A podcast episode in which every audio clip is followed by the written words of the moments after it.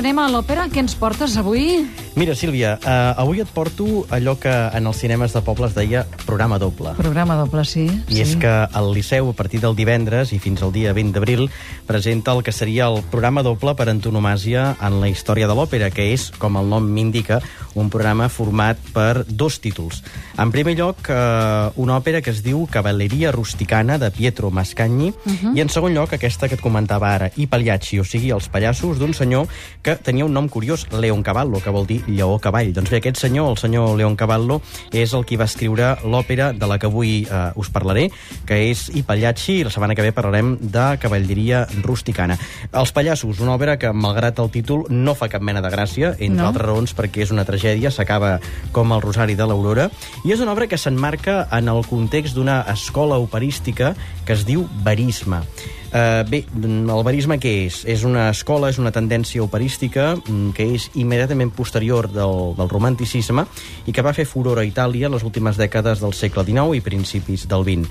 Deixem que ens ho expliqui precisament un personatge, un personatge d'aquesta òpera, d'aquests pallassos, que al principi de l'obra apareix davant del públic amb la cara encara per enfarinar i que ens diu que aviat començarà una història que és molt realista perquè... L'autore ha cercato invece fingervi uno squarcio di. Ja està. Amb aquesta sola Ja frase està. acaba de definir què és el verisme. Ens acaba de dir l'autor el que ha volgut és mostrar-vos un tros de vida. Això és el verisme, és la vida mateixa. No pretén buscar l'artifici, no pretén explicar-nos històries fantàstiques o històries impossibles. De fet, el que ens vol explicar és un tros de vida perquè Els Pallassos és un, un drama, en un pròleg i dos actes, amb música i llibret del propi compositor, eh, que és una òpera verista perquè s'inspira en un fet històric, en un fet real, un fet que va passar a Calàbria, del qual el mateix compositor en va rebre notícia. I d'aquí en va elaborar l'obra, que compta, com dèiem, en llibret propi, i eh, va ser una obra que es va escriure mm, una mica esperonada per l'èxit de la cavalleria rusticana, que també escoltarem aquests dies al, al Liceu. Bàsicament, de què va aquesta òpera? Doncs mm, tracta d'una companyia de pallassos que arriben en un poble al sud d'Itàlia, més o podria ser Calàbria o qualsevol altre lloc, Sí. i eh, hi ha un personatge que és el pallasso principal, el cap de colla, que en diríem que és Canio, que anuncia la representació. I ens diu, atenció, que el que veurem en escena és un joc, una trampa, una broma. Una broma. Perquè el teatre i la vida no són la mateixa cosa. Il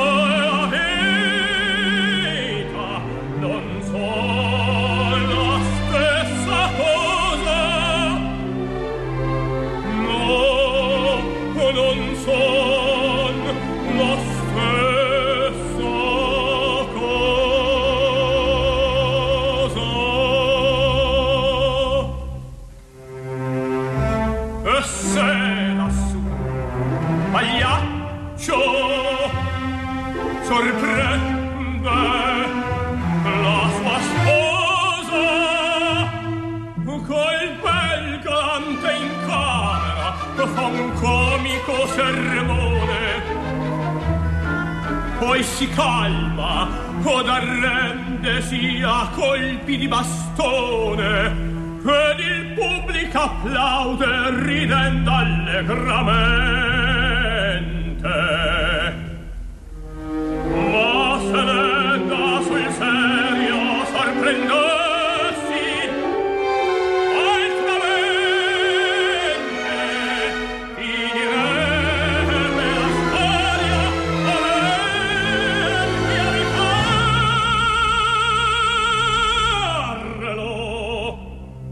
En quin to deu poder estar escrit, això?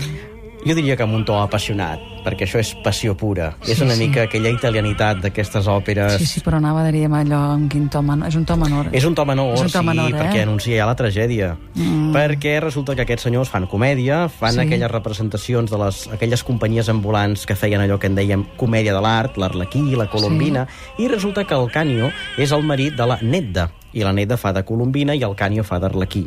I resulta que el Canio s'ha assabentat que la Nedda té un amant. I Ah. aquest amant està entre el públic. I quan representen la funció de pallassos, Sí. el Canio li diu fent d'Arlequí, digue'm qui és el nom, quin és el nom del teu amant. I ella se'n burla de l'Arlequí.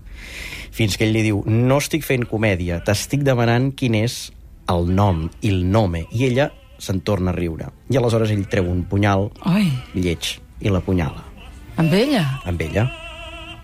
Fins que aleshores arriba Silvio, que és l'amant de Nedda, puja Que no a l'escenari... Ah, però ho ha vist des de baix, des també de la platea, ho ha vist. I aleshores el Canio també diu, ah, ets tu, benvingut. I llavors clapa un també altre. l'apunyala. Però, I aleshores... que, però que, no, que no ho veu, que l'apunyalarà, aquest noi. Bueno, però és que se l'estima molt a la Nedda. I aleshores, quan tothom ja és mort a l'escenari, Sí. un dels personatges anuncia als espectadors la comèdia s'ha acabat. E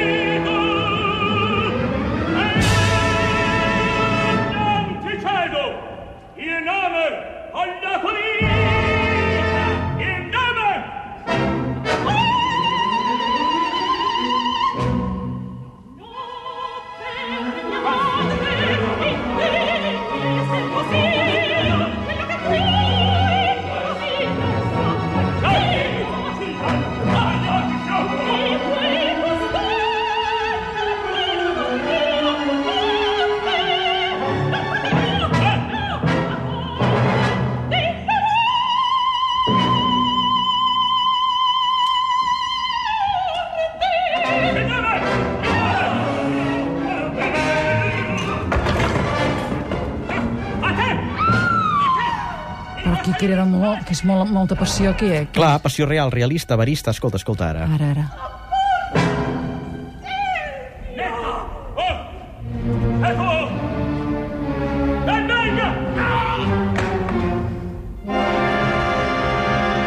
Atenció ara a aquest fragment que sonarà. Sí. La comèdia s'ha acabat. I ara escolta això.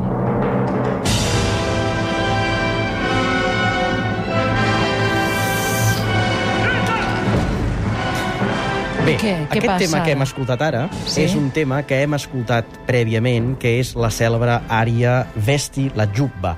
La Giubba en italià és aquella mena de vestit ample que porten els arlequins, aquell vestit blanc, uh Mhm. -huh. el, que és un tipus de vestuari prototípic de, dels pallassos, i justament el que eh, ha passat és que ho hem sentit en una àrea anterior, en la qual eh, el pallasso canta una àrea molt famosa que es diu Ridi Pagliaccio, riu pallasso, enfarina't la cara, perquè tu has de fer riure mentre la teva esposa t'està robant el cor. Riu pallasso del teu amor destrossat, riu del dolor que enverina el teu cor.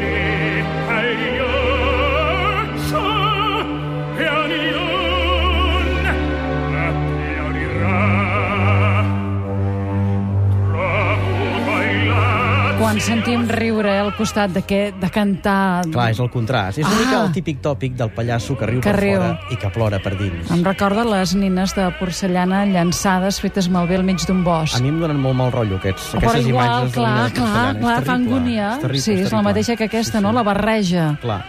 I a l'òpera hi ha moltes senyores que tenen amants? M'ho preguntes? Sí, t'ho En pregunto. relació amb aquesta òpera? Sí, perquè normalment es veu Sí. més senyors que tenen amants. No, però Déu-n'hi-do, elles. Elles també, a l'òpera sí. Un dia, si vols, faig una col·lecció de mans. No, no cal, no cal. Dona. Els maten a tots o no, diríem? Depèn, depèn. A vegades ha sí, que a vegades... surten, eh? N'hi ha que N'hi sí. ha que maten també elles els marits, com les mantis religioses, eh? Les mantis religioses. D'aquestes també n'hi ha. Sí, sí, sí, no va ben bé així, però sí, ha. sí, en fi. Això, és l'obra es diu... Els pallassos. Els pallassos I la- es representa juntament amb cavalleria rusticana. La primera part és cavalleria rusticana i la segona, per si algú arriba tard, veurà els pallassos. És un doble programa. Al Dues Liceu. òperes, al Liceu. Dues òperes molt curtes, del dia 1 d'abril fins al dia 20. Eh, unes obres que bé, eh, ocuparan també part de la Setmana Santa, que aviat comença, de manera que és un doble programa amb èxit assegurat. A més a més, la directora d'escena és Liliana Cavani, aquesta dona directora de, de cinema, que ha muntat molt bé moltes òperes, al Liceu ja n'hem vist alguna muntada per ella, i és un doble programa que jo recomano vivament, perquè són d'aquells clàssics que tard o d'hora algú ha de veure. Molt bé, doncs, professor Radigales, fins dimarts de la setmana vinent, Moltes que gràcies. tornarem a fer uh, alguna peça o anem a les veus? Cavalleria rusticana, no, perquè Cavaller- farem, clar, farem l'altra, farem l'altra, i després ja tornarem a... Tornem a les veus. A les Però veus. vostè se'n va, em sembla, no?, per Setmana Santa. Però falta molt. Ah, d'acord, d'acord. Jaume Radigales, gràcies. A tu.